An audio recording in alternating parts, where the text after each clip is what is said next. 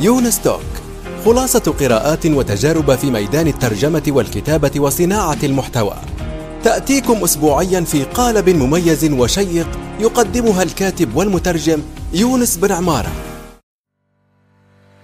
الآن وفي الأسواق وعبر شبكات التواصل. رواية إفيانا باسكال للكاتب يونس بن عمارة.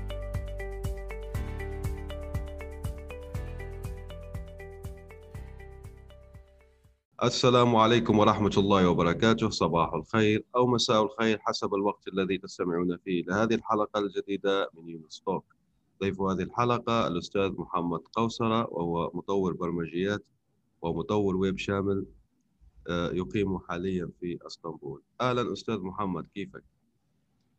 أهلا وسهلا أستاذ يونس شكرا جزيلا لك. الحمد لله. أنت كيف صحتك؟ الحمد لله يا رب. أنا سعيد باستضافتك وراح آه، نستفيد إن شاء الله من خبراتك الواسعة. إن شاء الله وأتمنى صراحة وأنا السعيد جدا بلقائك. شكرا لك. طيب آه، أعطينا تعريف عليك عن عنك أستاذ محمد ومسيرتك المهنية والدراسية في نفس الوقت. تقريبا من عشر سنوات أو أكثر حتى. بلشت اكاديميا بموضوع دراسة المعلوماتية أو ال IT بالإضافة إلى العمل بها يعني خطوة خطوة خطوة تلو خطوة آه، حتى انتهى في المطاف إلى أن أكون حاليا مدير لشركة. بعد التنقل بكثير من المراحل فحاليا أنا فقط شخص آه، درس هندسة المعلوماتيه ويعمل كمطور تطبيقات آه، موبايل إضافة للويب طيب حلو جدا. بيقولوا أنه المبرمج لما خلينا نبدأ مثلا بهذا السؤال ممكن لأنه يعني في عالم البرمجة. بيقول لك أنا المبرمج مثلا يبدأ آه، يبرمج آه، كموظف بس لما ينتقل إلى المناصب الإدارية بيصبح يعني عدد أو ساعات البرمجة تبعه الفعلية أو كتابة الأكواد نادرة جدا. فأحيانا وفي في بعض الأحيان خاصة في الغرب ما ما يصير يبرمج يعني فقط يدير المشاريع. فيقول لك والله اشتقت يا أخي أني أعمل أكواد ولو يعني ولو على مشاريع جانبية. فأنت شو رأيك في هذا الموضوع؟ 100% آه، يعني أؤكد هذا الكلام مع الأسف الشديد. يعني ليس أمر محبذ ولكن مجبر عليه لأنه هي صراحة حقيقة الوضع. ممكن تتمنى أنك أنت تكتب ولكن بينتهى فيك المطاف تتنقل من شخص لشخص آه، بيحتاج مساعدة أو إنه من مشروع إلى مشروع أو من من لقاء إلى لقاء. فبينتهى فيك المطاف بالفعل. آه، ما عندك ساعة تركيز ممكن إنك أنت مثل ما بندعوها quality time تدقق أنت بالمهمة وتبلش تنفيذها. وهنا أتوقع يكمن دور الشخص يلي بينتقل ليكون مثل ما بيسموه ال developer advocate يمكن بيكون بالشركات. بتلاقي بعض الأشخاص يلي بيحب أصلا كثير يتواصل مع الناس اللي حواليه فبصير مثل ما مسمين إحنا مؤيد للمبرمجين كترجمة حرفية. وصراحه هي حد الأحلام تبعي إنه أكون أنا developer advocate حلو جدا يعني. طيب أنت يعني أنا الآن عندي آه، سيرتك الذاتية يعني وما شاء الله عليك آه، مسيرة حافلة جدا. عندك مثلا تسعة سنوات في آه، تطوير الويب الشامل full stack web development طبعا يعني راح نشرحها ال full stack من خبير يعني. فتفضل في شرح شو الفرق يعني بين full stack وبين web developer أو development عادي يعني؟ هلا فعليا الموضوع ببساطة شديدة إنه بدايه الشق تبع أي تطوير متعلق بالويب هو عبارة عن نوعين. يا أما شخص متخصص بتطوير الواجهات الأمامية المرئية بشكل مباشر أو شخص مطور للواجهات الخلفية وبالتالي front end أو back end في بعض الأمور يعني مثل ما بيقولوا إنه يعني أحد الشقين يطغى على الآخر ولكن فعليا هن دورين مختلفين. أما الشخص يلي بيكون full stack developer هو شخص آه، ملم بلغة برمجة server side أو back end بنفس الوقت هو آه، عنده القدرة على أن يشتغل على الواجهات المرئية UI وبالتالي هو يوصف بكلمة full stack يعني شامل لل back end وال front end أو الواجهه الأمامية والواجهه الخلفية في نفس الوقت. حلو. صحيح 100% طيب هو في أنا حسب ملاحظاتي يعني الشخصية بجد مبرمجين مثلا في مبرمج بيعمل منتج معين يعمل منتج معين ثم يبيع. مثلا نقول قالب Ghost أو قالب WordPress أو قالب أي يعني منتج ويبيعه. فيه وفيه يعني من أصاب النجاح حتى في الوطن العربي. وفي إنسان لا نعم. بيقول لك أنا بروح فريلانسر يعني أبيع أو أبيع خدماتي أو أقدم خدماتي للناس وأعطي وقتي لمن يدفع يعني. فأنت الفرق. بين المنهجين هذم أيهما تفضل وبأيهما تنصح المطورين الجدد؟ أه، صراحة بحب أنصح يعني قبل هي النص- النصيحة بحب أنصح يمكن بشغلة أساسية وهي الصبر لأنه بموضوع البرمجة بالذات وأنا شخصيا عدت علي أه، بالأخص ببداية المسيرة هي أيام كنت ما أفهم فيها البرمجة بحد ذاتها. أيام أعتبر الموضوع كله عدم منطقية. فأتمنى هاي الموضوع كملاحظة سريعة يكون الصبر جدا موجود لأنه عن جد أه، رح يكون بس فقط أول خطوتين صعبات ولكن باقي باقي الطريق إن شاء الله سهل. آه، وجوابا على سؤال حضرتك بكل بساطة آه، تطوير القوالب آه، أثبت جدارته. وقولا واحدا passive passive income أو دخل رجعي دائما متواجد. بغض النظر إذا أنت متاح أو عم تشتغل ولا لا. وهذا أمر جدا إيجابي ورائع. ولكن في كثير آه، آه، سلبية قاتلة بالموضوع هذا وهي موضوع أنك أنت لازم آه، تكتب دوكيومنتيشن أو مستندات تشرح هذا القالب. تقريبا بدك تصرف ضعف العمل أنت اللي أنت جهزته لحتى تعمل هذا القالب فقط لحتى تكتب مستندات لحتى تراجع الأمور كيف ممكن المستخدم يشوف.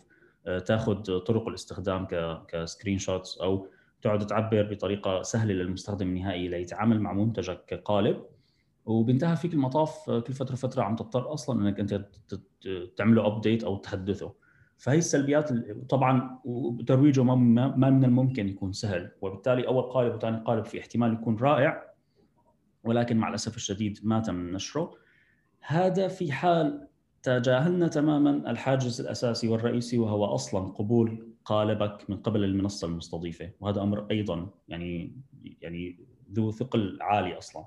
آه، في خلينا نقول معادلة آه، تحديد النجاح في إمكانية بيع قوالب أما بالنسبة للشق الثاني من السؤال آه، بكل بساطة الصبر بم- بموضوع الفريلانس كثير أساسي لأنه بداية أنت الهدف من الموضوع أنه فقط تبني تقييم عالي بالنسبة للملف الشخصي تبعك لحتى يقبلوا أشخاص ثانيين وبالتالي هو موضوع أبسط ما يمكن. فقط لازم تحط سعر جدا قليل فقط آه، لازم تكون عندك أشخاص آه، من من محيطك نفسه تشتغل لهم مشاريع وتضعهم على أساس إنه هن portfolio عندك على أساس إنه هن صاله عرض أنت بتعرض فيها أعمالك وكأنه هن عملاء نهائيين حقيقيين. آه، وبالتالي شوي شوي ممكن يمشي حالك بال freelance. ال- ال- ال- الجواب الجواب الشافي لسؤالك بجملة واحدة.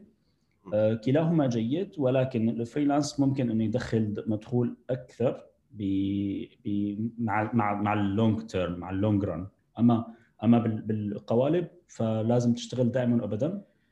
مسافة بدا- بداية جدا طويلة على أمل إنه يمشي الحال. بس لكن إذا مشي الحال هي جيدة جدا. زي ما أشرت حضرتك حضرتك. أيوه زي ما أشرت أيضا حضرتك هي أنه هذا مش منفصلين. فيك أنك تجمع بينهما يعني. بين تجمع بين أنك تعمل قوالب أو منتج يباع منتج رقمي وأيضا فريلانس يعني. في نفس الوقت تكون شيء يعني. فهما يعني يمكن الجمع بينهم. طيب. طبعا أنت- طبعا طبعا. أيوه. أنت طورت منصة يومي اللي كنت أنشط فيها أنا أيضا ويعني احكي لنا قصة يومي. آه، يومي ببساطة آه، آه، بكل بساطة السيد عدنان هو كان صاحبه أصلا صاحب الفكرة آه، واشتغل مع أحد صديق سابق لي آه، اسمه حسام عبد آه، اشتغلوا هن المنصة. أنا جيت بعد فعليا بعد ما طور أول إصدار من المنصة قبل تطبيق الموبايل حتى فجيت آه، نهضنا بالمنصة ب خلينا نقول ببنية تحتية عدنا عدنا تحدثنا فيك تقول المكتبات فقط. بعدين بنينا تطبيق الموبايل. من بعد ذلك أنا رجعت حدثت عليها مرة ثانية من منصة يومي كإنفراستراكشر أو كبنية تحتية. ففعليا أنا ما بعتبر حالي إنه أنا الشخص اللي حطيت حجر الأساس بيومي أكيد لا. آه، بالمقابل آه، الحمد لله رب العالمين هلأ عم نشتغل على واجهات جديدة للمشروع هذا على امل إنه أصلا نرجع ينشط النشاط تبع المشروع. وحكاية تقصير مشروع مشروع يومي هو هي حكاية مرتبطة تماما ب فتحي لشركة سابقة. وهي شركه لي اليوم. إذا حبيت نتطرق عليها لاحقا بهالبودكاست. طيب لا خلينا بنحكي عنها ونستفيد من خبراتك في إطلاق شركة متخصصة يعني في البرمجة وتطوير الويب. لأنه هذه تجربة مهمة جدا يعني. طيب okay.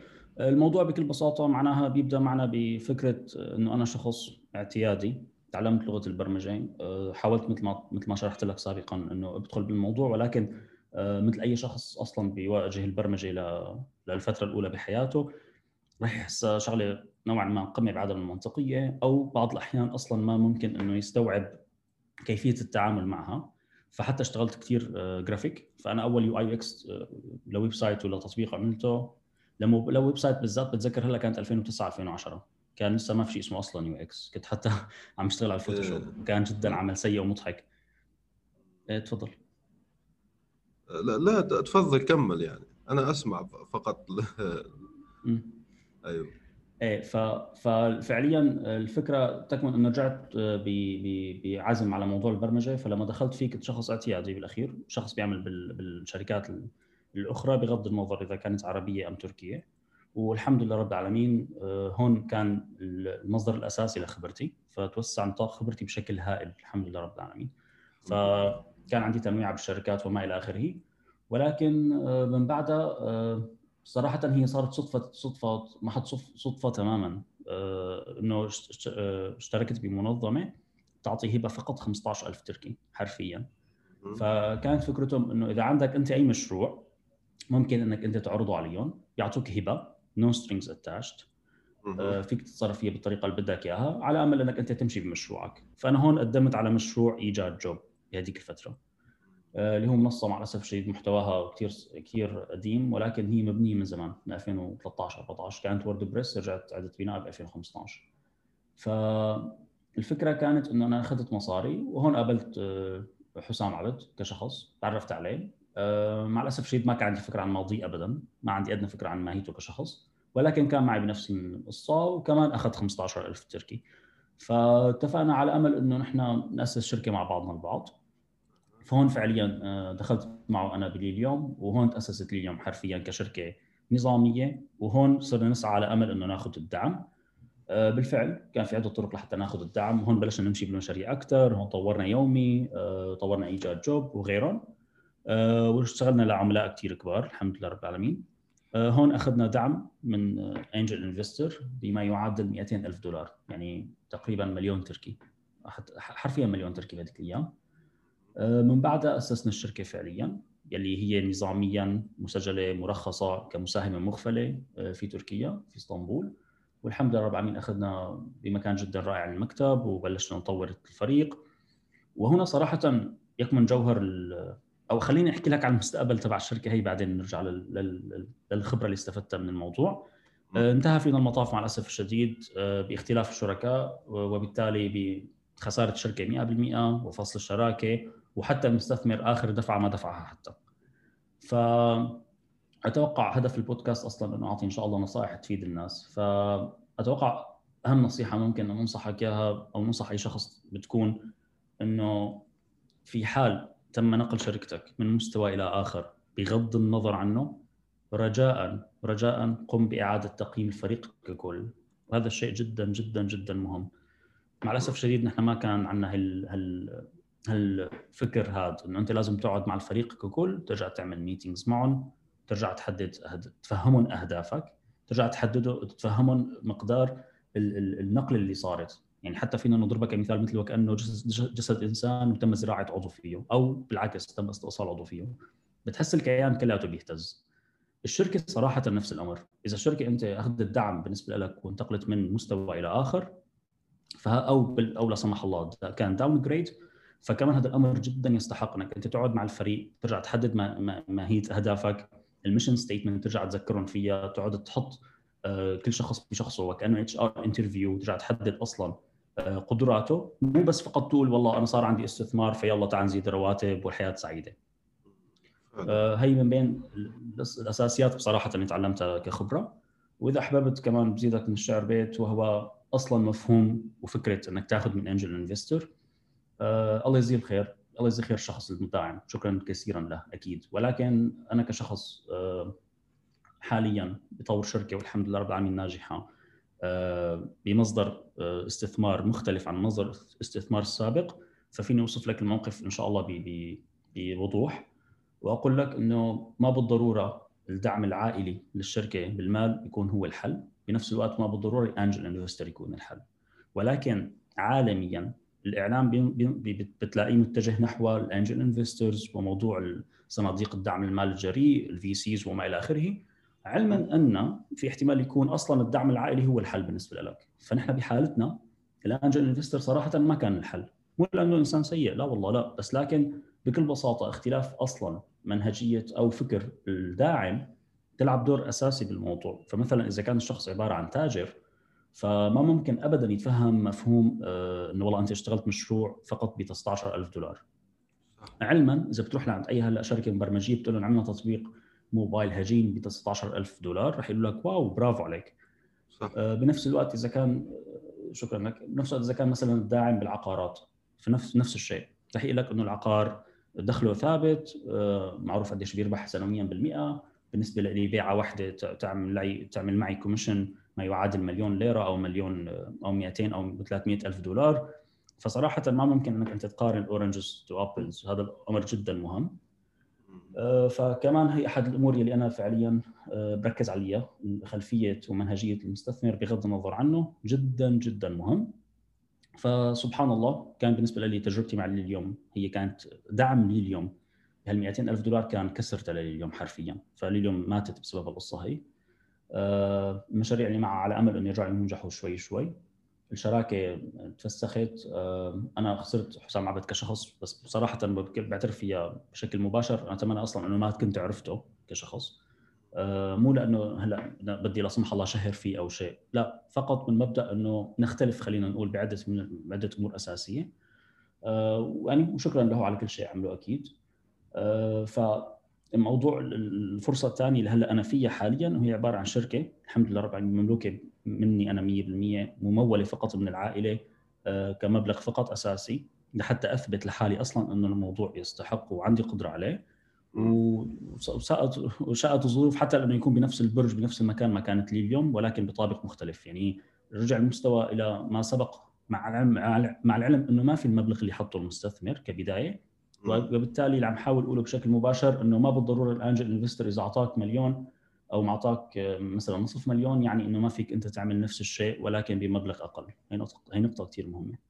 مهمة جدا على كل حال لأنه التمويل أيضا نقطة التمويل اللي حكيت عليه مش شرط فقط يكون عندك فكرة وتقول يلا بجيب أموال مستثمرين ونتوكل على الله لا في في في دراسة مثلا حكيتها. أنت مثلا حكيت في التوظيف هو أصلا آه، قبل يعني ما ما يعني ما تعمل إعادة تقييم أو إعادة يعني جلسة تجلس مع الفريق هو زي ما يقول صاحب بيس كامب يعني لما شاف آه، شركة مليون بتوظف 150 آه، يعني شخص فقال هذا هذا معدل توظيف يعني مش معقول مش أنت يعني جبت 90 مليون أو جبت 10 مليون مهما كان الرقم بتقول نتوسع أنا في الموظفين بدون يعني آه، بدون ضابط زي ما يقولوا. لا فأنت أنت لم تحد تبرر تبرر منطقيا وتجاريا التوظيف الجديد. فأنت راح تجيب شخص مثلا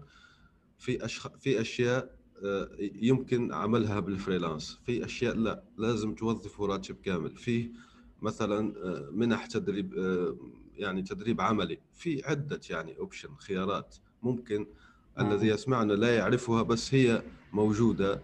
وهنا ضرورة ال mentor. وهنا ضرورة أصلا تتواصل مع زي أستاذ محمد قوصره وتستفيد يعني وتستمع مثل هذه الحلقات من البودكاست لكي تستفيد من خبرة غيرك غيرك. لأنه أيضا ثقافة المنتور أو المرشد اللي ممكن تلاقيهم صح في الحاضنات وكذا بس المستقلين غير موجودين يعني في مرشد مثلا مستقل وكذا. مع إنه في تطبيق سعودي الآن يحاول يطبق هذه الفكرة واسمه منترني نحيي يعني القائم عليه من هنا. فهو عامل زي ما نقولوا آه، المرشدين جمعهم في تطبيق واحد وفيك أنك يا إما تطلب استشارة مجانية أو تطلب أعتقد مدفوعة هو عاملهم مدفوعين.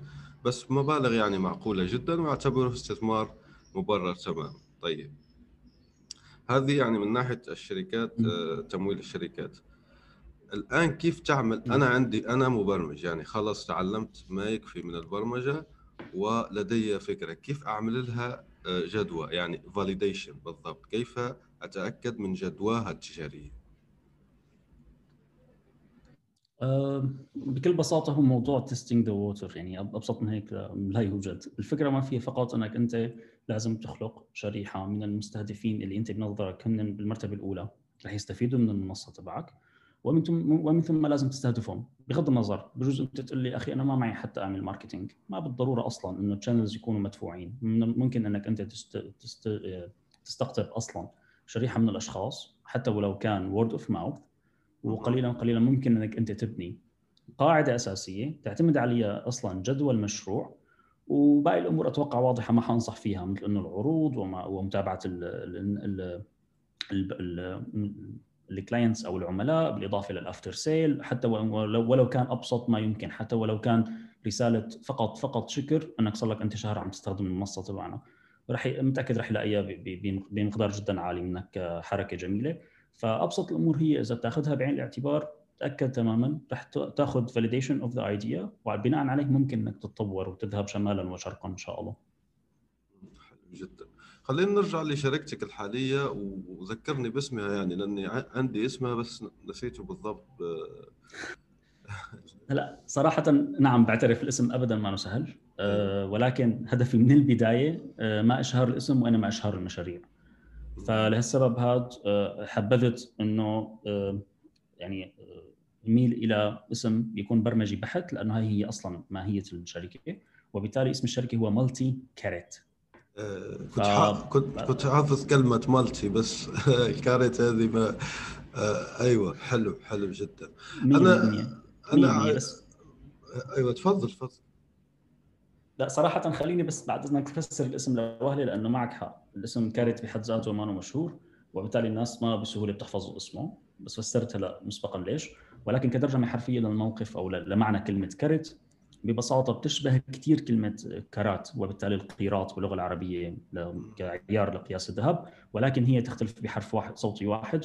فكرته هو فقط الاسم المتبع بلغه البرمجة لمكان توضع المشيرة وقت الكتابة. وبالتالي نحن بالبرمجة كأي محرر نص نستخدمه مثل مثل وورد ولكن متخصص للبرمجة في إمكانية إنك تضع أنت خمسة مشيرات بنفس الوقت وتكتب. فهذا الأكشن أصلا يسمى multi caret انت تستخدم أكثر من caret للكتابة. ف caret هو فقط مؤشر الكتابة بالبرمجة. حلو جدا. أنا دخلت يعني لموقع الشركة ولقيت النصوص التسويقية وما يسمى بالكوبي يعني بالإنجليزية. وفيه يعني طرافة وفيه يعني آه، زي ما نقولوا حس تسويقي آه، تسلوي حلو جدا يعني. ف وأيضا مكتوب هو لا أعتقد فيه آه، فيه مترجم يعني بالعربية فهو بالإنجليزية فقط. فهل أنت راح تتعامل فقط مع الشركات الأجنبية والشركات التركية في الوقت الحالي وما تريد التوسع في الوطن العربي أو كيف يعني النظام؟ لا رب صدفة يعني هو الفكرة ما كانت إنه في عرض لمنظمة بريطانية عالية كان من أساسيات الوجود لتقديم العرض هذا كان عبارة عن مناقصة. آه، هو فعليا وجود موقع. فصراحة نحن حبذنا أنه نطلق موقع آه، حاليا فقط باللغة الإنجليزية. نضمن أصلا وجود موقع عنا ولكن تعرف أنت المثل المشهور يقول لك إن النجار بابه مخلوع وهذا صراحة حقيقة إيه، الوضع. صح. دائما وابدا. يعني مشاريع العملاء أقوى وأفضل جدا من موقعنا الحالي، حتى موقعنا الحالي على فكرة ستاتيك وليس ديناميكي أصلا. ولكن آه، حبذنا انه نحن أصلا نحط فيه حس حس الفكاهة لأنه خلينا نكون واقعيين، آه، حاليا يوجد مئات وملايين ملايين المواقع يلي أصلا أنت مللت يعني من من مشاهدتها. فحبينا نحن فقط نقدم طرفة بكل سطر شمالا وشرقا على امل أنه انه نحن فقط نعطي آه، حس الفكاهة بالموضوع ولكن برجع بأكد على فكرة إنه ما هدفنا أصلا أصلا إشهار الشركة. هدفنا فقط ندخل إن شاء الله ب seed لأحد المشاريع ندخل من بعدها إن شاء الله ب round A أو B لأحد المشاريع ونكبر فيهم ومن ثم ال acquisition يكبر ونعمل exiting فهو فقط للمشاريع ما هدفنا فقط إنه والله نقول نحن شركة برمجية ونقدم هذه الخدمات. حتى internally داخل ال team دائما وابدا 20% فقط مخصصة لل clients و80% من حمل من حمل العمل مركز على المشاريع. فهمتك. بس هذا مش مشروع ذو منتج واحد زي زي الشركات الناشئة المعتادة مثلا عندها تطبيق عندها فكرة واحدة أنتم عندكم محفظة portfolio من المشاريع okay صح أم لا؟ صحيح 100% صراحة. هذا هذا الشيء ما بحسد عليه. هذا الشيء نسبيا يعتبر أقرب للسيء ولكن تشاء الظروف صراحة. أتوقع على صعيد حتى أصغر أصغر فرد بالمجتمع. بتلاقي عنده أكثر من آه، مشروع صغير يعتمد عليه. ممكن يكون رسمي ممكن يكون رواية ممكن يكون فقط بأبيات شعر. وبتلاقي بيعمل باثنين أو بثلاثة سوا. نحن عم بيصير فينا نفس الفكرة ولكن على أكبر طبعا بناء على حاجة السوق بناء على آه، الوقت الزمان اللي نحن فيه ترتبط هذه الأمور ببعضها البعض. فصراحه الظروف هي اللي عم تسوقنا. و وحاليا عم نصب جهدنا نحن فعليا بالمكان اللي نحن بنعرف إنه هلأ حاليا هذا المشروع ممكن إنه نطور فيه ممكن إنه يعود علينا بفائده. إن شاء الله يا رب أتمنى لكم كل نجاح وتوفيق. طيب خلينا نحكي آه، عن عن موضوع يعني مهم ولم يتطرق إليه الكثير من الناس واللي هو الصحة النفسية للمبرمج بالضبط العربي. يعني فانت مثلا مثلا يعني بدو خليني يعني أذكر يعني أمثلة واقعية. فمثلا أنا اختلفت مع شريكي. شوف أنا مش هدفي اني أثير أي يعني قصص قديمة أو كذا لا. فأنا أحكي مثلا أنا وأنت عملنا شركة وكذا واختلفنا وهذاك الاختلاف يأثر علي نفسيا يعني. إضافة إلى العمل ساعات العمل الطويله تأخر المدفوعات زي أنت ما حكيت المستثمر يعني لم يدفع آخر دفعة كذا. هذه المشاكل يعني حمل مالي حمل يعني عمل حمل خلافات مع الآخرين بيكون عبء نفسي ضخم على المبرمج سواء يعني في شركة ناشئة أو كفرد يعني. لا نحكي فقط عن الشركات الناشئة وغيرها لأنه أصلا طبيعة الشركات الناشئة هي أنك في ضغط أنك في جو من الضغط. طيب كيف تحافظ على صحتك النفسية سليمة؟ هلا صراحة هذا الموضوع شوي واسع ولكن حابب اضطر عليه بشقين، الشق الأول مثل ما أنت حضرتك ذكرته بما فيه، والشق الثاني وهو أيضا ضرر على الصحة ولكن خفي. أه بالشق الأول بكل بساطة فيني أوصف لك الموقف إنه أنا كشخص لما كنت أشتغل عن شركات أخرى مثل ما تفضلت تماما كثير من المواقف أه مع الأسف الشديد كانت نهايتها سيئة أه يا أما بعدم أخذ الراتب يا أما مثل ما تفضلت بأمثلتك اللي ضربتها. آه، الهدف الطريقة لحتى أنت تحمي حالك فيها بهذا الموضوع شوي صعبة. صراحة ما راح أنكر هذا الأمر ابدا. ولكن دائما ابدا بنصحك تطلع على المستقبل. من مبدأ فقط إنه ما بتتخيل سرعة تطور هذا المجال اللي أنت فيه. وبالتالي تأكد تماما هذا الشخص يلي عرقلك بمسيرك بنجاحك هذا اللي أنت ماشي فيه ابدا ما بيعني إنه هو أصلا يعني إنه هو راح يرقد قدامك. ابدا ما بيعني إنه هو راح يسبقك. فعليا هو أصلا ضيع وقت لبين ما عمل لك الفخ لبين ما عرقلك فعليا الحقد رح يرجع له فما بنصح ابدا إنك أنت تحمل أي شيء معك. الموضوع أبسط ما يمكن إنك تتأكد تماما أصلا البنية اللي أنت تركتها أو المجال العمل بالنقطة اللي أنت انتهيت فيها أو اللي كانت هي مفترق طرق ما بينك وبين هذا الشخص بغض النظر إذا شركة أو فرد. آه، بنهاية المطاف أصلا أي يوم بيمرق أو أي يوم يمضي على على نقطه الفراق هو أصلا يوم يتأخر فيه التطور تبع الشركة هي أو تبع الموضوع هذا. فأنت مع سباق مباشر ويومي على هالموضوع هذا. فأول نصيحة بنصحك فيها لحتى تدير بالك على صحتك هو فعلا إنك تنظر للمستقبل. وبعرف إن الامر صعب وبعرف إن الامر جدا آه، بيقطع يمكن القلب فكرة إنه أصلا ينهضم حقك لا سمح الله. ولكن تأكد تماما وقولا واحدا ويقين يقين صدقا إنه الخطوة الجاية هي أفضل. وبالتالي أنت بس بيان عليك تزيد فروستك بهذا الموضوع. يصير عندك فراسة من الانتقاء الأشخاص قولا واحدا والانتقاء المشاريع وما إلى آخره لحتى ينتهي فيك المطاف تصبح يا أما صاحب آه، رأس العمل بإنك أنت تكون عمل صاحب عمل حر freelancer أو إنك تكون أنت صاحب passive income عن طريق بيع القوالب وما إلى آخره أو حتى تكون عبارة عن مدرس ك tutor ب Udemy وغيره وتعطي الدروس أو فعليا الطريق الرابع واللي, واللي واضح جدا إنك أنت أصلا تصير صاحب شركة عمل. لما بتصير أنت على رأس شركتك الخاصة بيختلف ماهية آه، آه، الضرر الصحي عليك ولكن يبقى وجود الضرر الصحي. تختلف فقط شكله ولكن يبقى. آه، بهذاك الوقت أتوقع انه الأمر بيعود على أنك أنت قديش بدك تصير تتعامل مع مع التيم تبعك كيف لازم ممكن تتعامل معهم.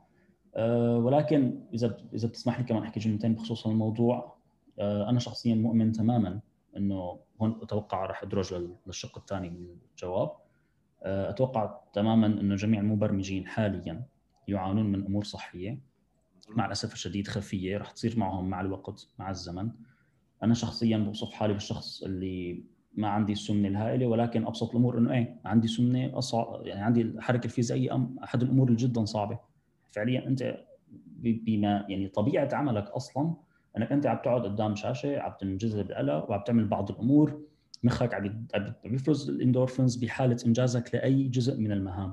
وهذا أمر جدا مهم. نحن عندنا فعليا بيقولوا لك إنه جزء المهام جزء المهام قدر الإمكان جزء المهام. وبالفعل أنظمة إدارة المهام عندنا تعتمد على تجزيء المهام تعتمد أصلا على مبدأ المكافأة للعقل. وهذا الشيء جدا رائع ولكن هذا حرفيا إدمان يعادل أي إدمان آخر.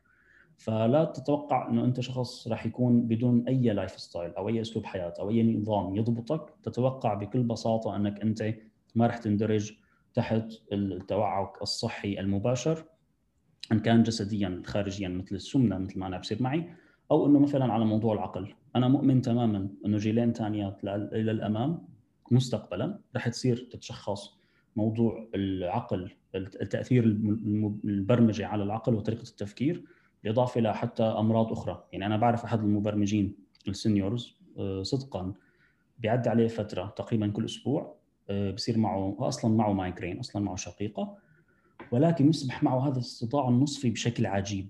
لا يستطيع أصلا أن أن يكمل حياته. حصريا يجب أن يبتعد عن الشاشة ويبقى يومين إلى ثلاث أيام راحة تامة. ففعليا أتوقع بالجيلين القادمات رح يظهر بعض الأمور حتى النفسية على صعيد الحياة تبع المبرمج. فرجاء نهتم بهذا الموضوع وتعلم من خلينا نقول من من تجارب السابقة. فهلا حاليا مثلا بمهنة طب الأسنان معروف بعمر 50 يقول لك طبيب الأسنان يا أخي رقبتي خلص ما عاد تحمل. طول الوقت أنا أصلا آه، يعني فعليا مائل إلى ثم ولا مريض ولا أصلح بالأسنان وما إلى آخره. طب طبيعي هذا الشيء بعد بعد زمن طويل هلا تكتشف إنه أصلا جميع الأعمال الأخرى بغض النظر حتى وإن كانت آه، مثل مثل طب الأسنان في في مشاكل أصلا فيزيائية علينا. فلا ننكر حقيقة هذا الأمر لا ننكر فكرة إنه إنه أنت قولا واحدا عم تصرف وقت جدا طويل أمام أمام شاشة الكمبيوتر.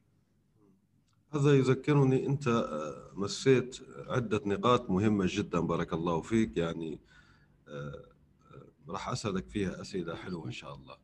طيب مثلا أنت ذكر ذكرتني بمقولة واحد أمريكي كتبها في تويتر قال لك الحلم الأمريكي امريكان دريم هو أنك تعمل بزنس عبر الكمبيوتر ثم لا تمس الكمبيوتر للأبد. يعني خلص تقول آه، تخليه يعني تخليه يمشي وخلص يعني. هذا هو يعني تعريفه طبعا للحلم الأمريكي بشكل حديث. طيب أنت حكيت آه، عن بعض يعني آه، حكينا نحن مثلا عن المشاكل الصحية العقلية أيضا والجسدية التي تواجه المبرمج العربي والمبرمج بشكل عام. طيب الحلول العملية فيه مثلا ناس بتقول لك التأمل.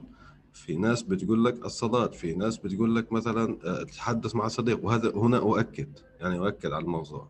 أنا مثلا أقولها لك بكل صراحة منذ بدأت البودكاست أنا أعمل كفريلانسر بس مش مبرمج. يعني عامل حر عبر الإنترنت. لما بدأت بالبودكاست لاحظت أني لما عملت حوارات فعلا فيه راحة نفسية يعني حتى التحدث إلى غرباء والاستفادة مثلا منهم آه من خبرات. أصلا أصلا هذا الحديث. ولقيته فعلا في قلة في ناس يعني قليلين جدا وفي في أشخاص أعرفهم أنا الآن بيخاف من الصوت. بيخاف أصلا إنه يعمل مثلا آه آه حوار صوتي مع شخص أو فقط يكتب فقط يكتب يعني. يقول لك لا لا لا أحب يعني آه، المكالمات الهاتفية فقط يكتب. فهذه مثلا في في في أشخاص في قلنا صلاة في آه، تأمل في أيضا الرياضة. وفي شيء لما أنا آه، عملت حوار مع مؤسس استبرق محمد حازم حازم الصديق عفوا اسمه حازم الصديق. مؤسس استبرق وهي شركة لبيع الثياب شركة ناشئة عربية. من مصر فحكى لي إنه راح لمعالج نفسي. فايضا اوبشن المعالج أو خيار المعالج النفسي متاح. فأنت هل أنت الآن كمبرمج بتنصح إنه يروح واحد آه، المعالج نفسي يعني آه، لكي يتحدث يفضفض؟ يعني مش شرط إنه هو عنده مشاكل أو كذا هو فقط. يخفف الحمل يعني. فما هي الحلول العملية؟ هنا نحكي عن الأمور العملية التي رأيتها أنت من محيطك أو جربتها بنفسك ولقيتها ناجحة في التخفيف من الضغوط النفسية والجسدية. هلا صراحة بس تعقيب على فكرة الطبيب النفسي. آه، يعني نواجه الواقع. عربيا أصلا آه، يعني لازم إن نعمل raising awareness توضح أصلا آه، مثل ما تفضلت الذهاب لطبيب نفسي مع الأسف الشديد نحن عندنا الطبيب النفسي هو فقط للمشاكل فقط في حال أنت أصلا عندك خلل بعقلك مع الأسف الشديد لسه عندنا هي العقلية القديمة ضد أصلا الذهاب للطبيب النفسي. علما إنه حقيقة الوضع أصلا هو شخص لا يتدخل أصلا بقراراتك وممنوع أصلا ياخذ قرار عنك. فهو فعليا مثل ما تفضلت موضوع الفضفضة هو الأساس هو جوهر اللقاء راح بيكون. أه ولكن طبعا بتكون مع شخص مختص وبالتالي بيحسن بيحلل وبيحسن بيساعد وضعك. فإذا بدك أنا رأيي الشخصي بترتيب أولويات كيف ممكن الحلول تكون آه، أبسط الأمور ممكن تكون إنه أنا حاليا مع مساعدة مثلا الأبل ووتش فعليا هي جهاز بينبهك أصلا في حالة إنك أنت أقل من 12 ساعة باليوم أنت ما قمت فيهم. وبالتالي الهدف تبعك كل يوم إنه أنت أقل شيء في 12 ساعة من اليوم إنك تكون واقف لمدة دقيقة تقريبا بين 12 ساعة. فهي أحد الطرق اللي ممكن تساعد. عني نفسيا موضوع موضوع الذهاب إلى اماكن أماكن عامة والنظر البعيد جدا جدا جدا مهم. أنا بنظري أكثر عضو رح يتأثر بهالعملية هي أو بهالمجال العمل هذا هو فعليا العين وموضوع النظر إلى إلى كائنات بعيدة أو objects بعيدة. هي نقطة جدا مهمة. وبالتالي مشوار إلى البحر. تقعد مثل ما تفضلت تتأمل أو حتى الصلاة بحد ذاتها أصلا هي فعليا تأمل.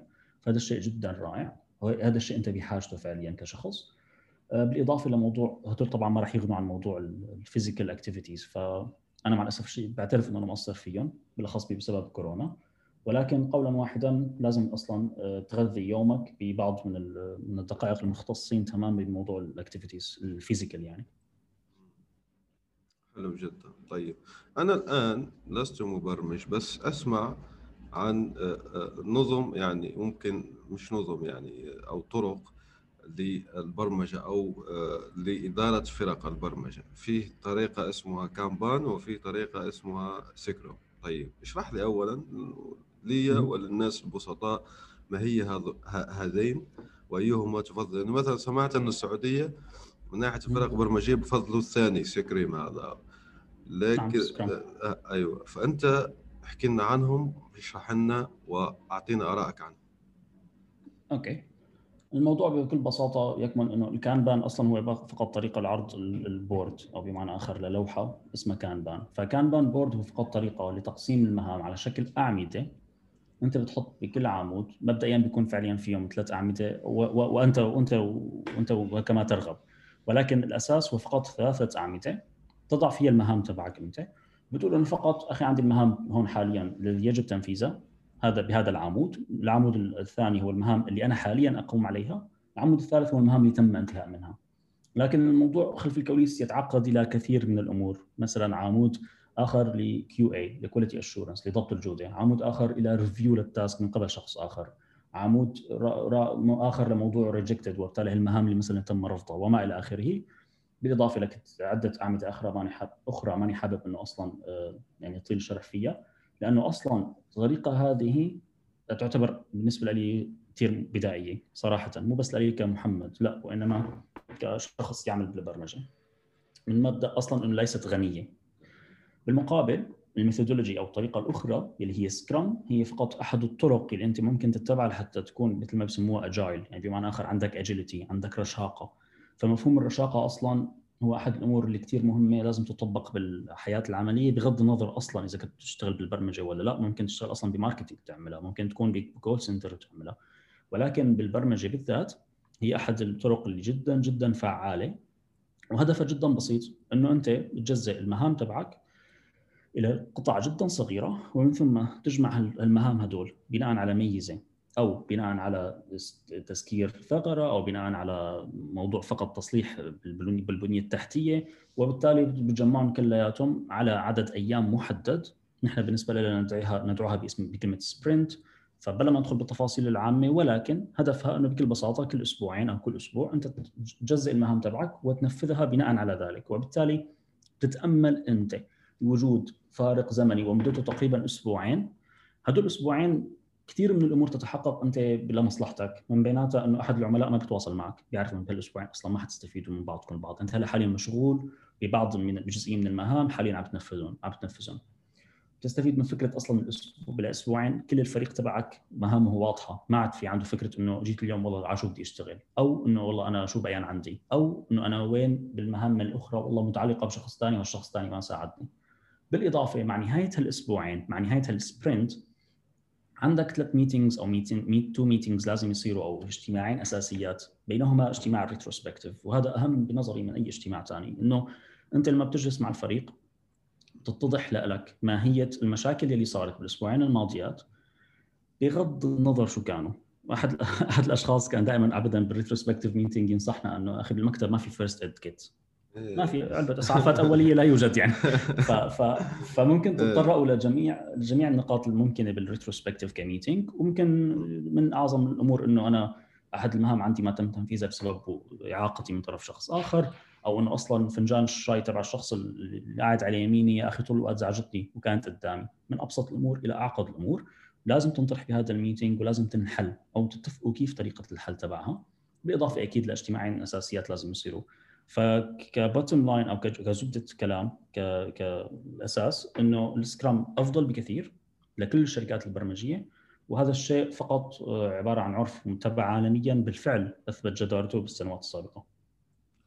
حلو جدا، أنت ذكرت نقطة مهمة أحييك عليها لما حكيت عن السكريم هو أنه ليس هي طريقة يعني الإدارة الرشيقة للمشاريع ليست متعلقة فقط بالبرمجة فحتى لو كنت أنت يعني عامل مستقل في التسويق أو غيره من المجالات فيك أنك تستخدمه. وهذا فعلا ما خلاني أطرح السؤال يعني لأنه كامبان وسكريم ليست فقط حصرا على المبرمجين. مثلا أنا راح أحط التدوين في التدوين التابع لهذه الحلقة في آه، عاملة حرة إسترالية اسمها ماكيلي فالنتاين. عملت مثلا كيف تستخدم نظام كامبان في عملها وهي ليست مبرمجة يعني. فهنا أنا أصلا ليش طرحت أنا السؤال هذا؟ لأنه هذه الأنظمة أيضا لإدارة المشاريع مهمة جدا في الترتيب. ممكن الأستاذ يعني محمد قال أنه كان صار يعني ممكن آه، بسيط جدا ولا يتابع يعني ويواكب يواكب التطورات البرمجية ومش مستخدم كثيرا. بس أنا حسب يعني آه، حسب تطبيق فالنتاين أيوه تفضل تفضل إذا عندك سامحني بس بس عندي تعليق بس بسيط. هو أيوة. فعليا الجزء لا يتجزأ أصلا من عملية ال scrum ال Kanban board. ولكن اللي أنا حابب بس نوه عليه أو أو سلط عليه الضوء ما ال Kanban board هو أصلا ال methodology؟ هذا أصلا صراحة هي ك methodology أصلا تسمى waterfall ولكن المنطق كطريقة عرض المهام أصلا ال Kanban board أحد أساسيات ال scrum. يعني داخل أي نظام scrum إذا بتدخل عليه بغض النظر ما بعرف Monday Asana Jira ClickUp كل هذول التطبيقات خلف الكواليس قولا واحدا يجب أن توجد طريقة عرض المهام على شكل Kanban board ولكن نحن مع الأسف الشديد ما بيذكروا لك مثلا ما بعرف ال Gantt chart إنه كمان طريقة لعرض المهام بناء على المه... على ال... على ال... على المخطط الزمني تبع تنفيذها فعليا. طبعا هو مهم أكثر للمشروع ككل. فالنقطة بس اللي حابب أذكرها وأسف على المقاطعة إنه ال Kanban board مستخدم إلى الآن. نحن بنستخدمه بشكل يومي. ولكن أي منصة تدعمك فقط بطريقة العرض تبع ال Kanban board مع الأسف الشديد ليست كافية. فبالتالي Trello و Asana اقرب ليكون سيئين جدا. حلو جدا. لا لا إضافة ثريه جدا. بارك الله فيك. أه، طيب فقط نحن ننوه أنه ليست أنظمة مقصورة حصرا على المبرمجين. فاي واحد يسمعنا هنا في أنه يتوسع فيها؟ طبعا راح نحط الروابط تتابع هذه الحلقة ممكن تفيد الناس اللي حابين يطبقوا هذا هذه الأنظمة على آه، مجالات أخرى غير البرمجة. طيب. ما دمنا نحن في البرمجة في شيء اسمه أو الخوارزميات. في ناس مثلا بتقول لك شيء أساسي لازم وفي ناس بتقول لك أنا أبرمج بس ما أعرف الخوارزميات. أنت شو رأيك يعني بحكم خبرتك في الموضوع؟ هل خوارزميات شيء أساسي؟ هل بدي أنا أتعلمها بعدين أدخل العمل الحر أو أدخل العمل الحر أعمل لي فلوس بعدين آه، أشوف الخوارزميات هذه كيف؟ يعني احكي لنا على الموضوع. آه، بكل بساطة بضرب لك إياها بمثال جدا بسيط. آه، هو فكرة اللي نتخيل بلحظة إنه مثلا ما في عندنا أي فكرة عن ماهية بناء حائط واحد على أرض الواقع. واجى لعنا شخص وقال لنا بنيت أنا هذا الحائط. فبالتالي بعض الناس لما بيجوا لعنده بيشوفوا بيقولوا آه أوكي حائط جميل ما شاء الله. ممكن شخص ثاني يبني هذا الحائط نفسه ولكن ببنية أصلا خلف الكواليس أو ببنية تحتية مدعومة بالحديد. ويرجع كمان الناس يشوفوا يقولوا ما شاء الله جميل حلو.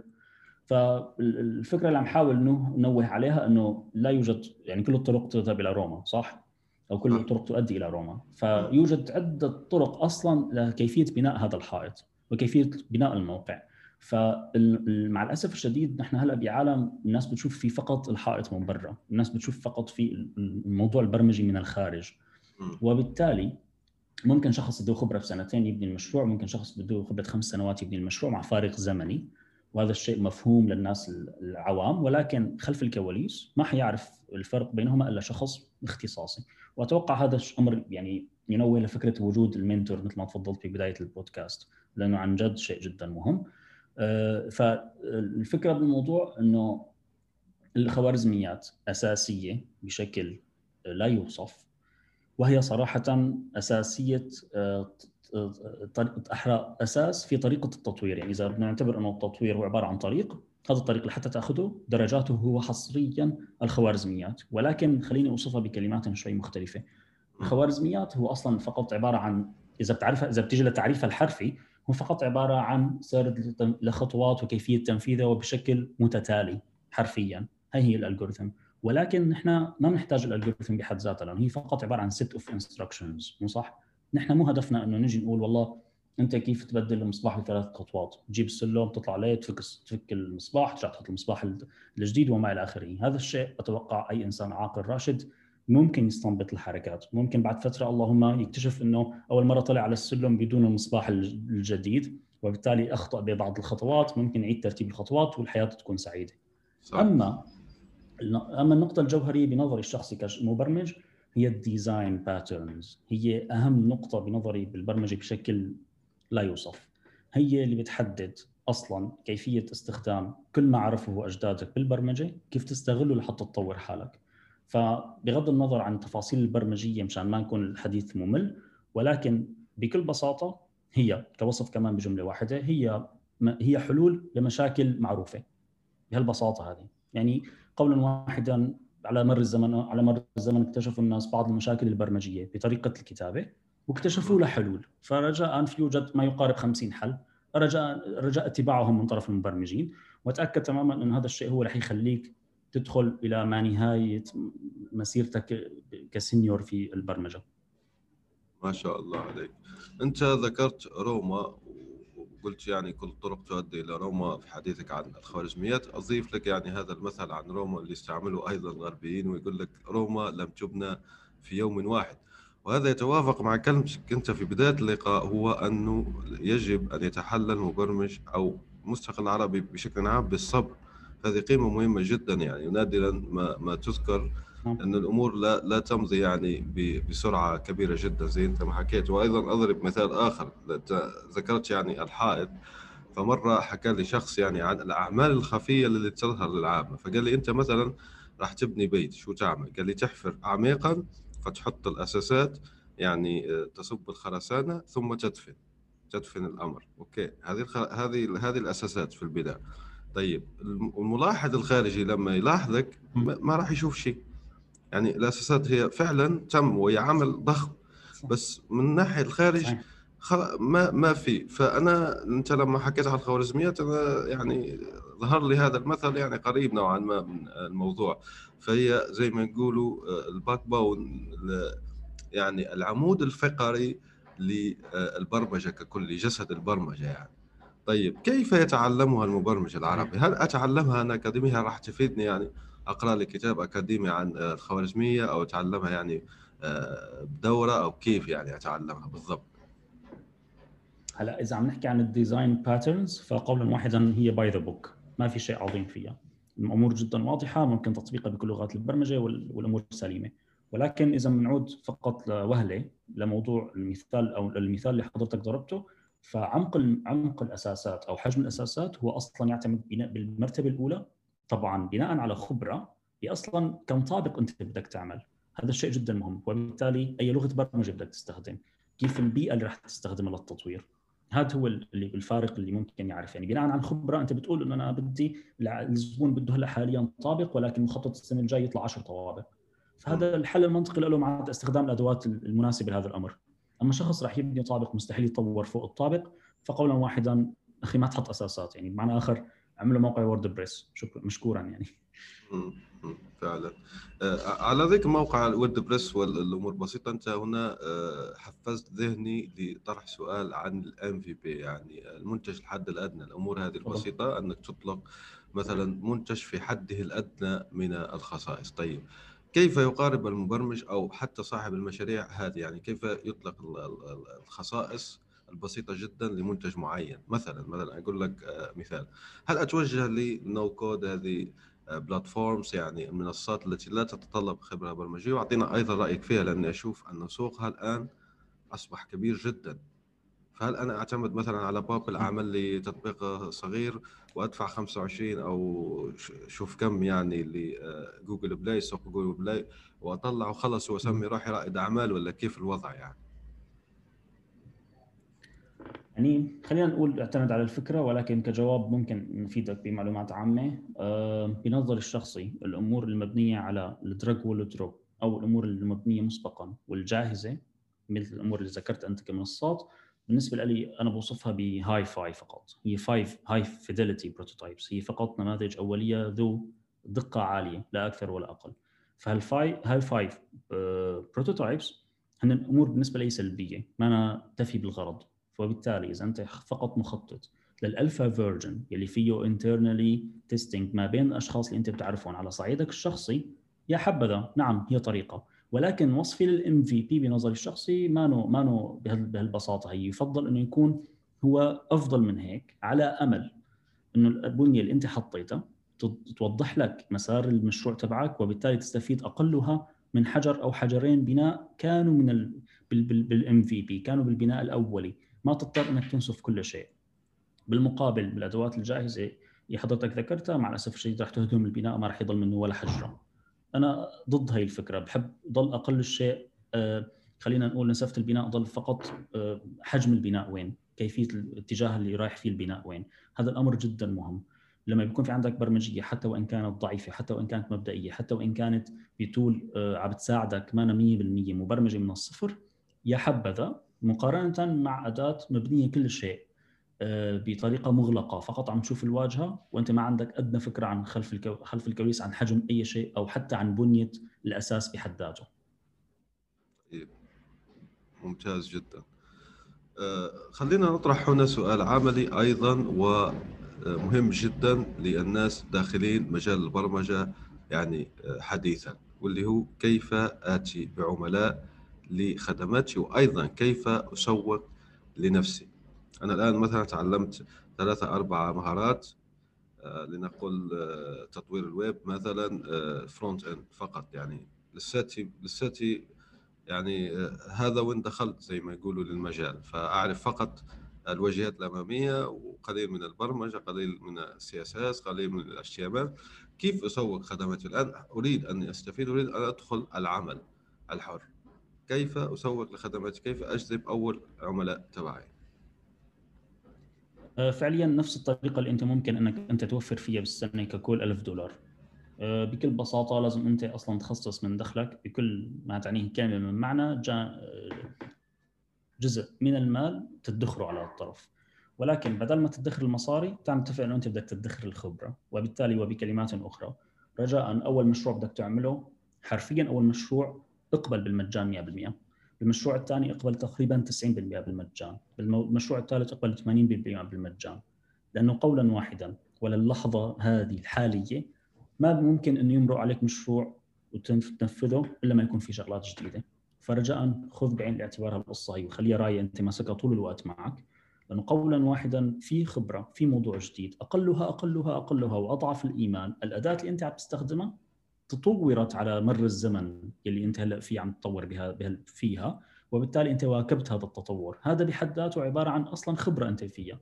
اي أي أداة حاليا بعالمنا البرمجي أنت تغيب عنا أصلا شهرين اكتشف إنه هي أصلا تغيرت. هلأ اللهم مو شهرين ممكن ست شهور ولكن المفهوم يضل نفسه.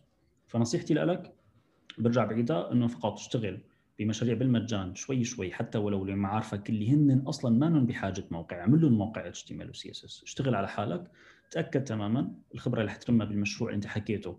الشخص مع مع شخصك القريب منك رح ممكن تعرضها ك portfolio أو كمعرض أعمال لحضرتك للناس الجايين بالمستقبل وبالتالي أنت فقط عملت ال snowball effect أنت فقط دحرجت الطابة من من على حدر من من على حدر من على سفل الجبل وبالتالي أنت مع الزمن اكتشفت بدك تكتشف إنه صار بجعبتك. ألف الحمد لله رب العالمين. عشرات أو بجوز مئات المشاريع اللي ممكن أنت تطرحها على أي أي أي آه، عميل بالنسبة لك وتأكد تماما رح إن شاء الله يمشي الحال وتاخذ العمل لك. حلو جدا. طيب أنت ذكرت كلمة هي المواكبة. هنا سؤال مهم. كيف يواكب المبرمج التطورات؟ مثلا مبرمج عنده عدة مهارات يعني آه، عنده عدة خبرات. كيف يواكب التطورات الحادثة في في يعني باختصار أيضا كيف أنت تواكب التطورات البرمجية المتسارعة يعني لكي تكون دائما مهاراتك محدثة؟ أنا صاير فيني الموضوع مثل كأنه شخص عم بيسوق فكل تركيزه على المنتصف مو بس أنا أي شخص مبرمج. ولكن بعض الأحيان ترمح عينك إلى المرآة اليمين واليسار حتى تشوف أصلا العالم المحيط فيك. وأتوقع أن هذا هو الشيء الصح بالبرمجة لأنه مستحيل تواكب كل شيء وبالتالي يا حبذا أنك تركز على المنتصف تركز على اللي أمامك تركز على ذو اهميه بالمقابل أنت تجيب شغلة أو أداة تساعدك لأن أنت تعطيك كل فترة وفترة نبذة عن نبذة عن عن الأمور اللي هي حاليا جديدة بالأدوات الأخرى. وبالتالي بكلمات بسيطة أخرى انه اشترك بالنشرات البريدية مثل ما أنا بفعل صراحة الأمور الثانية اللي أنا بعرف حالي إنه ما حاتعمق فيها. فبالتالي هو بكل بساطة بتلاقي وصلت نشرة بريدية. بشكل دوري على بريدك الإلكتروني فيها زبدة ما تم آه، إنشاؤه بالفترات السابقة. وبكل بساطة بعدة سطور بتلخص لك أصلا التحديثات. أما الأداة اللي انت فيها فبمجرد استخدامك أصلا هذه الأداة أنت مجبر على التطور آه، sorry مجبر على مواكبة التطور اللي انت فيه بعض الأحيان أنا شخصيا بعاني من فكرة إنه أصلا في أداة مضطر إنه أستخدمها ولكن غبت عنها أصلا عدة شهور. وبالتالي هي مسألة فقط آه، صبر على أنك أنت ترجع تتذكر الأمور اللي صار اللي كتبتها، ترجع تتذكر الأمور اللي هي صارت، ترجع تقرأ شوية documentation لأنه الحمد لله رب العالمين لطالما في لغة إنجليزية صراحة عند أي شخص أنا بنظري البرمجة أصبحت أسهل أسهل أسهل ما يمكن وأبسط أبسط ما يمكن واصلا هي عبارة عن احرف إنجليزية بكلمات إنجليزية بسيطة جدا وأنا أتحدى أي مبرمج يحكي غير ذلك. وهي مسرودة أمامك في ملف. تقرأه وتفهمه في حال وجود لغة إنجليزية. مدعومة بمستندات ودوكيومنتيشن من طرف نفس لغة لغة البرمجة بحد ذاتها وبالتالي أنت لا تملك أي حجة لعدم التطور. يعني ما خلوا لك أيوه حجة بالضبط. أنت لخصتها يعني ما شاء الله عليك. طيب. هنا أنت ذكرت أنك بتركز على الأهم. خلينا نحكي قليلا في الأهم هذا. الأهم هل هو اللي يجيب لك الفلوس؟ مثلا أنا مجال معين من البرمجة هو اللي يجيب الفلوس. هل هل هذا هل هذا هو الأهم؟ يعني مثلا قرأت في Stack Overflow مره عادت شعبية لغة برمجة عندها 60 عام وهي اسمها ال COBOL. ليش؟ لأنه أمريكا أنظمتها يعني للدعم البطالة كامل مبنية على الكوبول. فالكوبول يعني ضعيفة نوعا ما في بعض الأشياء. فاضطروا أن يجيبوا مبرمجين كوبول ليحلوا مشكلة الطلبات الهائلة جدا التي وصلت لصرف شيكات الكوفيد يعني هذا شرح بسيط. فأصبح فيها سوق صغير. يعني رجعت من 60 سنة زومبي هذه اللغة زومبي أو اللغة يعني, يعني كادت تندثر اصبح فيها سوق صغير وفيه Reddit وفيه في فيك أصلا أنك تلاقي شغلة فعليا COBOL developer أو programmer يعني. فهل أنا أتابع يعني زي هذه زي نقول إحنا بدو الرحل الرقمي بدو الرحل الرقمي أتابع الكلا أتابع يعني فين الناس تحط فلوسها وأقرأ ذلك أقرأ مثلا تلك اللغة ولا عرف لي الأهم بالنسبة لك بالضبط يعني؟ آه، أنا أنا بنظري الشخصي لنرجع للفكرة أصلا والتسمية العالمية لها بالأخير هي لغة برمجة حرفيا. نحن بنحكي عن لغات برمجة. وبالتالي هي لغة. وأساس اللغة أصلا هو عبارة عن أساسيات لا تتجزأ ولا تتغير قولا واحدا. دائما وابدا بدنا اسم فاعل ومفعول به. والاضافه للصفة والموصوف وما إلى اخره فخلينا نواجه حقيقة الأمر هذا بإننا نقول أنت كشخص في حال واكبت وطولت عم تطور حالك بأحد لغات البرمجة فهي مسألة فقط فقط فقط حفظ بعض المصطلحات بما معناته لحتى تحكي باللغة الأخرى. ولكن الأساس أنت عندك إياه. ما عاد في داعي أصلا حدا يعطيك الأساس ويقول لك والله تخيل إنه في عندنا جملة اسمية وجمله فعلية. خلص هذه الأمور من المسلمات. وبالتالي في حال أنت أصلا تطورت بأحد لغات البرمجة وحبيت أنك أنت تنتقل من لغة إلى أخرى أتوقع إن هي رح تكون أمر بالأخير وبنهاية المطاف أمر سهل. ما له عائق مثل ما أنك تتعلم اللغة من الأول. فما بعرف إذا جاوبت على كلامك أستاذ يونس. أيوه بالفعل. جاوبت وأثرت يعني نقطة مهمة جدا. فمثلا أنا أقرأ أنه فيه آه، أشياء مثلا بين ال Python و ال C ففيه CPython أو شيء من هذا القبيل. وفي أيضا برامج بترجم لك لغة برمجة معينة إلى لغة برمجة معينة. فأنا أعطيك تصوري كيف تعمل هذه البرامج وأنت صححني إذا كنت خاطئ. هذه البرامج يعني بتدخل لها الكود البرمجي في لغة ال Python وبتضغط على الزر واوبا بتعطي لك مثلا بلغة ال C. هل هي بهذه البساطة فعلا أو يعني تصوري طفولي زي ما يقول أه لا صراحة أبدا ما طفولي. أه، حتى حتى أي شخص درس هندسة المعلوماتية بيعرف إنه في أحد المواد الأساسية اسمها compiler design اللي أنت أصلا على هدفك إنك أنت تعمل designing لشيء يسمى ال compiler أو المترجم من أي نص عادي إلى أن يكون أصلا كود برمجي. فهذا خلف الكواليس أصلا بيعتمد على عدة مراحل. بيعتمد على أصلا تقطيع هذا النص بناء على م... بناء على قواعد أساسية وبالتالي بيعتمد على شيء اسمه أم... أم... والله يا شيخ تعرف يا أستاذ يونس من 10 سنوات درست الأمور ف... إيه. ففعليا شوي ذاكرتي ممكن تخوني ولكن بيعتمد على شغلات مثل مثل أه... أه... تقطيع لهذه النصوص فعليا كانت interpreter أو هيك لا قبل ال interpreter كان في شيء اسمه ال lexer اللي هو أصلا بيحدد أه... يعني مشان مشان ما لا سمح الله أعطي معلومات مخطئة ولكن الأساس بالموضوع كفكرة أصلا هو أصلا عبارة عن نص عادي ما فينا ننكر هذا الأمر مثله مثل أي مستند مستند Word فعليا. ولكن يوجد فيه قواعد بسيطة مثلا مثلا في حال أنت فتحت قوس يجب أن هذا يجب أن هذا القوس يتسكر بما يرادفه كشكل. وبالتالي فتحت قوس يساري لازم تسكره بقوس يميني صحيح؟ وبالتالي المفهوم ككل هو فقط عبارة عن نص له قواعد محددة وبعض المفاهيم وكل لغة برمج إلى إلى إلى مفاهيم الخاصة. بس خلف الكواليس مثل ما تفضلت هو فقط عبارة عن تحوير. في النص مثل ما كان مكتوب باحد الكلمات المفتاحية تبع اللغة البرمجية الأولى إلى إلى ما يرادفه باللغة البرمجية الثانية. وبعض التحوير فيه في حال كان وجود آه، عقلية متخصصة بلغة البرمجة هي. بهالبساطة هي. طبعا هذا الشيء ما ممكن بكل مكان. هي نقطة كثير كمان جوهرية. لأنه أصلا في بعض اللغات آه، ممكن تعتمد على آه، أساسيات أصلا مختلفة. وبالتالي إذا بنرجع للأساس لغات البرمجة أصلا هن نوعين يا أما functional فعليا يا أما sequential آه، يا أما عبارة عن ترتيب عادي يا أما functional تعتمد على على التوابع فقط يا أما عبارة عن لغة اعتيادية مثل اللي إحنا بنعرفهم وبالتالي إذا كانت functional ممكن مثلا تنقلب بالعكس وممكن لا ببعض اللغات ما حاكذب أنا عندي خبرة 100% بالمجال. بس قولا واحدا جماعة مايكروسوفت مثلا عندهم افتراضيا موضوع الدعم لثلاث أربع لغات برمجة بنفس الوقت اللي هن فيجوال بيزك سي بلس بلس وسي شارب هذا أصلا out of the box بالنسبة اذا بتستخدم نفس اللغات البرمجة لأنه أصلا خلف الكواليس يستخدمون نفس ال... نفس ال translator أو نفس ال interpreter حرفيا لأن يتحولوا إلى لغة آلة. وبالتالي مايكروسوفت يعني ما إنه عملت عمل رائع ولكن هذا الافتراضي واضح الإيمان ممكن تعمله. نفس الشيء المرادف له موجود بال Java. آه، فكمان نفس الشيء إذا أنت كتبت فعليا ب Java العادية أو Scala أو آه، أو Clojure مثلا. هالثلاث لغات آخر شيء هدفهم أو احرار أو مثلا Kotlin هدول آخر شيء هن Java وبالتالي رح يتحول آخر شيء لنفس المحاكي أو عن طريق نفس المترجم رح يتحولوا للغة آلة. وبالتالي التحوير أو التغيير بينهما هو فعليا out of the box هو فعليا موجود افتراضيا. فعلا. طيب أنت ذكرت لغات يعني لغة وظيفية functional و... وأنا قرأت مثلا في لغات object oriented أو كائنيه التوجه. شو يعني هذه كائنيه التوجه يعني؟ نعم.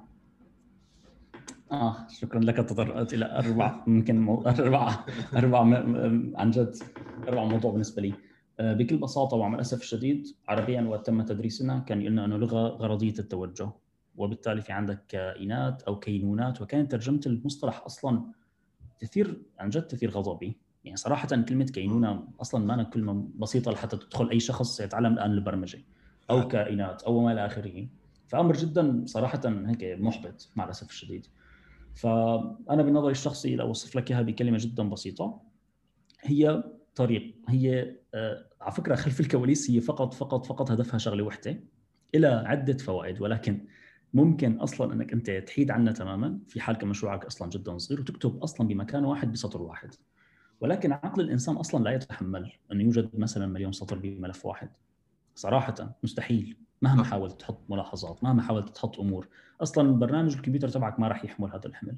وبالتالي إذا بتجي لتعريف غير شرعي خلينا نقول ال object oriented programming هي فعليا التجزئة وتحوير النصوص أو الأسطر اللي أمامك إلى آه، فقط blueprints أو فقط إلى آه، مخططات أو وصفات أنت عن طريقه فيك تنفذ الأمور اللي بدك إياها. وبالتالي بمثال جدا بسيط أنت بتخلق أو بتكتب كيفية أو وصفة إنشاء آه، ما بعرف شوربة طماطم.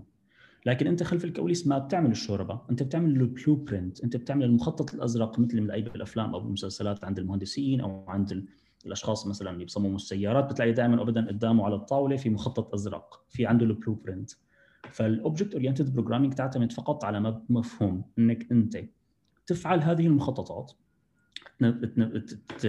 يعني تهيئها كوجود وتقول إنه أساسيات إنشاء أي أي شوربة طماطم هو وجود المكونات الأساسية وبتسردهم وبتسرد ماهيتهم مثلا طماطم من نوع فاكهة. sorry بعرف شيء غريب بس طماطم على حد علمي هي فاكهة. ومثلا ما في في جدل كبير على كل حال في الإنترنت. نعم نعم فما بتوقع نتطرق له الآن يعني. أيوة. بس الفكرة بس الفكرة بشكل عام إنه أنت بتنفذ هذا ال blueprint وبتحطه على جنب. أنت بتقول وصفة إنشاء الطماطم. ففعليا وقت الشخص بيحتاج شوربة الطماطم أنت بتقرأ الوصفة ومن ثم بتعمل شوربة الطماطم. فإذا بدنا نعكس المصطلحات على البرمجة أنت فعليا عملت class على وصفة الطماطم وعملت object أو عملت كائن وهو شوربه الطماطم. هذا أمر جدا جدا مهم. إنه هي طريقة العمل. إنك أنت تعمل وصفات للأمور أو تعمل blueprints ويدخل بها بها بقى مصطلحات أخرى مثل موضوع ال inheritance مثل موضوع ال encapsulation polymorphism يعني بمعنى آخر بكلمات أخرى إنه فقط كيف أنت تورث إنه تقول انه هالوصفة هي عبارة عن إنشاء مثلا أو ما بعرف انشاء شوربه الطماطم. بس آخر شيء شوربه الطماطم مثلا آه، هي عبارة عن آه، عن إبن لجد معروف اسمه الشوربات. وبالتالي له صفات تابعة من ماهيتها لأنه هي اساسها شوربة. آه، بنفس الوقت الشوربة بحد ذاتها هي عبارة عن إبن لأب اسمه الأكل. الأكل هو عنده صفات أساسية ممكن ان يستهلكه من قبل المستخدم الإنسان أو الكائن الحي. ففي بنية من الكائنات أو من الوصفات يلي بتحدد أنت بنية مشروعك وبالتالي هي تسمى إنه عبارة عن برمجة متجهة باتجاه الكائنات. لذلك يسمى object oriented programming oriented انت متوجه لا أكثر ولا أقل. يعني حتى على فكرة حتى برمجيا استخدام كلمة driven كمان أقرب أقرب لما يكون إنه نفس الشيء. وبالتالي بتلاقي الناس بيقولوا لك والله عم نشتغل نحن بطريقة TDD أو test driven development وبالتالي إحنا عم نطور والله المشروع تبعنا منحدرا باتجاه ال testing نكتب test لكل جزئية بننفذها وبالتالي الموضوع ال oriented هو فقط الاتجاه وهذا الشيء اللي ما لازم يلبكنا طبعا بالاضافه لوجود كلمة object فهو بموضوع بسيط فقط طريقة للكتابة قولا واحدا أساسية لازم ما تحيد عنا وهي مثل الفاتحة عنا خلص من المسلمات. يجب أن تكون object oriented programming بلغتك بكتابتك بغض النظر عن لغة البرمجة. وسامحني إذا أطلت أنا آسف يعني. لا بالعكس انت شرحت موضوع مهم جدا يعني كان في بالي آه، في مدة طويلة. ولما ذكرت يعني عدد الأسطر في البرنامج تذكرت نكتة للمبرمجين. بيقول فيها كتبت يعني كود برمجي والله وأنا يعلم فقط ماذا يفعل. يعني هذا يشير إلى المشاكل التي بين المبرمجين فيرسل له كود وما في ال comments أو التعليقات فما يعرف. قال له بعد بعد أسبوع أصبح. الله وحده فقط يعلم لما هذا البرنامج. يعني حتى أنا لما فتحت الملف مرة أخرى. الله وحده فقط قال. مرة لولا أنا والله. بعدين الله وحده يعلم فقط لماذا هذا البرنامج. هذا يشير أيضا إلى أهمية التوثيق زي ما حكيت أنت دوكيومنتيشن وأيضا كتابة التعليقات.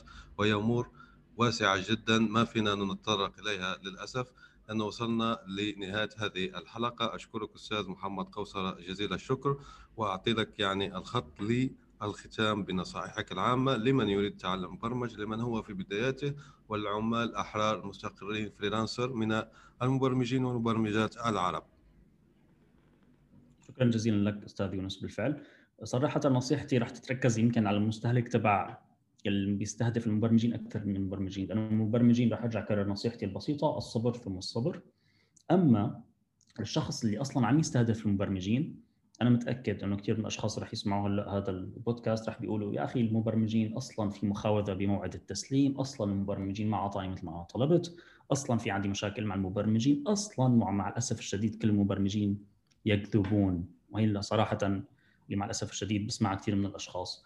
فنصيحتي للأشخاص اللي عندهم مشروع تقني الرجاء ثم الرجاء تستعين بشخص ذو خبرة مو مشان ينفذ لك المشروع لأنه أصلا ميزانيته رح تكون عالية. وإنما ليطلعك ليطلعك على الطريق على على المخاطر الموجوده بالطريق على الطريق اللي أصلا لازم بالبداية ترسم ترسم يرسم لك إياه واللي لازم تتبعه. هذا هذا هو اللي ممكن يلخص عليك تقريبا 35 إلى 40% من المشاكل. بيجي عليك من بعدها كخطوة تالية لو سمحت إنك قبل البدء قبل الشروع بالعمل مع هذا الشخص المبرمج الأمور المرئية جدا جدا جدا مهمة. حتى وإن كانت low-fi حتى ولو كانت low fidelity prototyping على ورقة وقلم جدا أساسية. لا أنت عندك قدرة إنك أنت تعطي ميزانية أكثر لهذا الشخص أو لشخص متخصص. حتى يعمل لك دراسة آه، استخدام للمشروع ودراسه واجهات أمامية ويعطيك ملف تصميم ك user interface و user experience تستحق حتى قبل قبل user interface و user experience المفروض يعطيك أصلا wireframe يحدد أساسيات المشروع من ثم تروح لمبرمج ممكن ممكن تستمر مع هذا الشخص ويحط لك خلينا نقول باقي الكماليات والمظهر والشكل والألوان ويعطيك اياه كمنتج تصميمي نهائي من ثم تشرع بالبرمجة. رجاء لا تعد لا لا تعد إلى يعني لا تجرب لا تجرب شيء مجرب لو سمحت. لا المبروم على المبروم ما يلفش مثل ما إخواتنا المصريين. فصراحة مشروع برمجي بلش بس بمقولة إنه والله أنا بدي مشروع كذا وكذا. هذا أمر جدا جدا خطأ. لا مع الأسف الشديد أيضا الأشخاص اللي بحاجه إلى مشروع برمجي ما ما ما بيحتاجوا أصلا إنه يبذلوا جهد بتوصيف الحاجات تبعهم فقط بيقعد مع المبرمج بيقول له أنا أرغب بهيك وهيك ومع الأسف الشديد هذا شيء أنا يعني تقريبا برجح إلى 80% إلى 90% بإنه يفشل بنهاية المطاف ومع الأسف الشديد يخسر الشخصين العلاقة بيناتهم. فعلا هذه نصائح مهمة بس زي انت ما حكيت موجهه نعم. أيضا لأصحاب المشاريع لكن للمبرمجين والمبرمجات ماذا تقول لهم؟ أه بنصحهم بخمسة كلمات كثير اساسيات object oriented programming أكيد.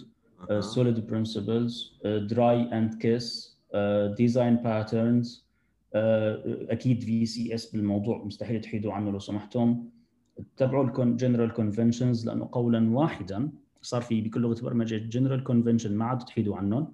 وأكبر ال IDEs أصلا عم يتبعوا هدول بطريقة أصلا كتابة الكود وأكيد أنا موجود في حال وجود اي أي مكان فينا نساعد فيه ان شاء الله أنا جاهز. بس بنفس الوقت في مثلي كثير فرجاء اطرقوا أبواب كثير من الأشخاص الثانيين. لا تعودوا تضلوا بقوقعتكم بال comfort zone تبعكم وتقولوا ما ممكن يساعدني. لا ممكن يساعدك. فابحث عن المساعده من الأكبر منك بالخبرة لأنه قولا واحدا راح يعطيك المعلومة ملخصة ويعني تماما قابلة للهضم من طرفك. صح. ولأنه كان في زمن سابق مثلكم يعني. فهذه كل شيء بداية وزي ما صحيح. قال أيوه محمد قوسرة الأستاذ محمد قوسرة أشكرك جزيل الشكر لفائدتنا يعني إفادتنا من خبرتك الواسعة و تنتهي الحلقة ألقاكم في الحلقة المقبلة إن شاء الله. سلام.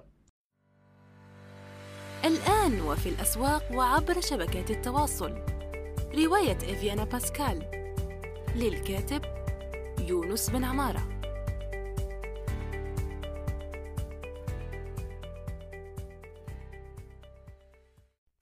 نأمل أن يكون موضوع هذه الحلقة قد نال استحسانكم. انتظرونا في الأسبوع القادم ولا تنسوا مشاركة الحلقات والاشتراك بالبودكاست. علما أنه بإمكانكم مراسلتنا باقتراحاتكم للتحدث عن أي موضوع يتعلق بالكتابة والترجمة وصناعة المحتوى.